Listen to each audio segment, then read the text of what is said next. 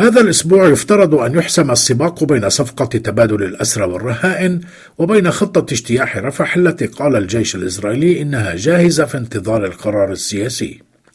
وأعلن البيت الأبيض أمس أن الرئيس الأمريكي أبلغ رئيس الوزراء الإسرائيلي خلال مكالمتهما أنه ينبغي عدم شن عملية عسكرية من دون خطة موثوق بها لضمان سلامة أكثر من مليون نازح في رفح لكن بنيامين نتنياهو كان استبق المكالمة بتصريحات أعلن فيها أنه سيكون هناك ممر آمن لإجلاء المدنيين ولم يوضح إلى أين سيرغمون على الانتقال. وقد استبعد المراقبون أن يؤدي تحذير جو بايدن إلى تغيير موقف رئيس الوزراء الإسرائيلي الذي يكرر أن العملية العسكرية في رفح مرتبطة بهدف الانتصار على حماس.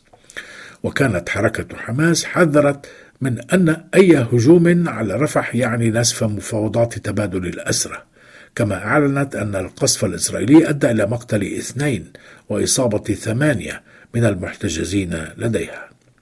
وفيما أشارت وسائل إعلام أمريكية إلى أن بايدن جدد المطالبة بتكثيف المساعدات الإغاثية للفلسطينيين بل ركز خصوصا على ضرورة إنقاذ المحتجزين إلا أن هذه المسألة ازدادت تعقيدا لارتباطها بهدنة طويلة ترفضها إسرائيل لأنها ستفضي عمليا إلى إلغاء اجتياح رفح الذي أجمعت المواقف الدولية والعربية على رفضه واعتباره كارثة إنسانية معلنة.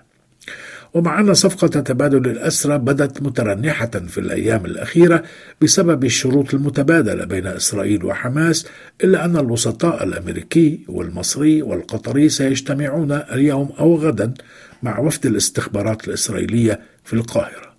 إما لتعديل الصيغة المقترحة منذ اجتماعهم في باريس أو لوضع صيغة جديدة يمكن أن تحظى بموافقة الطرفين. ويعتبر هذا الاجتماع محاولة أخيرة للتوصل إلى اتفاق. وفيما توقعت مصادر أن تظهر حماس بعض المرونة بالنسبة إلى شروط تبادل الأسرى إلا أنها ستبقى مصرة على ضرورة إنهاء الحرب. وهذا يتلاقى مع أهداف الدول المعنية والرأي العام الدولي لكنه يلقي الكرة مجددا في ملعب الحكومة الإسرائيلية. أما الخيار الإسرائيلي الآخر أي الهجوم على رفح فهو مرفوض أيضا من جانب مصر التي تعتبره إسهاما فعليا في تنفيذ سياسة تهجير الغزيين إلى أراضيها.